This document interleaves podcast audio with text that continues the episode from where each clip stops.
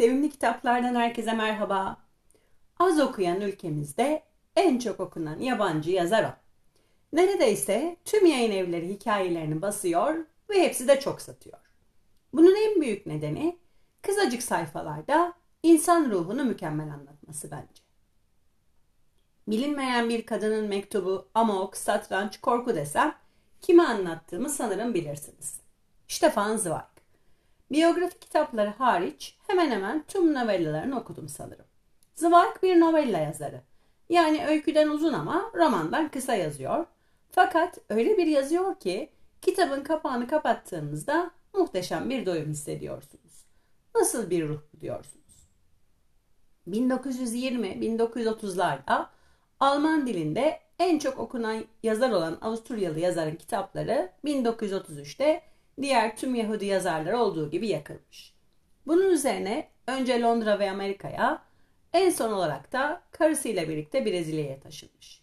1941'de yine karısıyla birlikte hayatına son vermiş. İntiharından önce yazdığı mektubunda şöyle bir not bırakmış Zweig. Bütün dostlarımı selamlarım. Hepsine uzun geceden sonra gelen tanın kızıldığını görmek nasip olsun. Ben her zamanki sabırsızlığımla önden gidiyorum. Neredeyse tüm novellalarını okudum demiştim ama ısrarla okumadığım bir tanesi kalmıştı Clarissa. Yazarın ölmeden önce başladığı ama tamamlayamadığı, ölümünden sonra ise editör tarafından tamamlanan bir eser olduğu için sürekli erteliyor. Dayanamadım en sonunda okudum. 180 sayfalık bir eser. Okurken hissettiğim son 40-50 sayfaya kadar yazarın kaleminden çıktı. Karakterleri ele alış biçimi, onların ruh durumlarını anlatısı tam olarak Zweig tarzı. Son 40 sayfada ise yazarın değiştiği gerçekten belli. Clarissa bebekken annesini kaybetmiş, asker babası tarafından bir süre aile yakınları yanına bırakılmış, 8 yaşında ise manastıra gönderilmiş bir kızdır.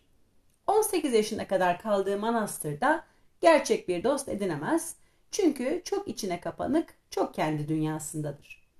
Babasının askerlikten ayrılmasıyla Clarissa da manastırdan ayrılıp çalışmaya başlar. Bir psikiyatri profesörünün asistanı olur. Mükemmel not almakta, özet çıkartmaktadır.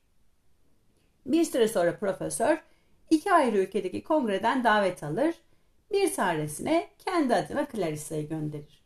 Ve işte kendi içine kapanık, yalnız, biraz da hüzünlü Avusturyalı genç Clarissa bu kongrede Fransız Leonard'a aşık olur.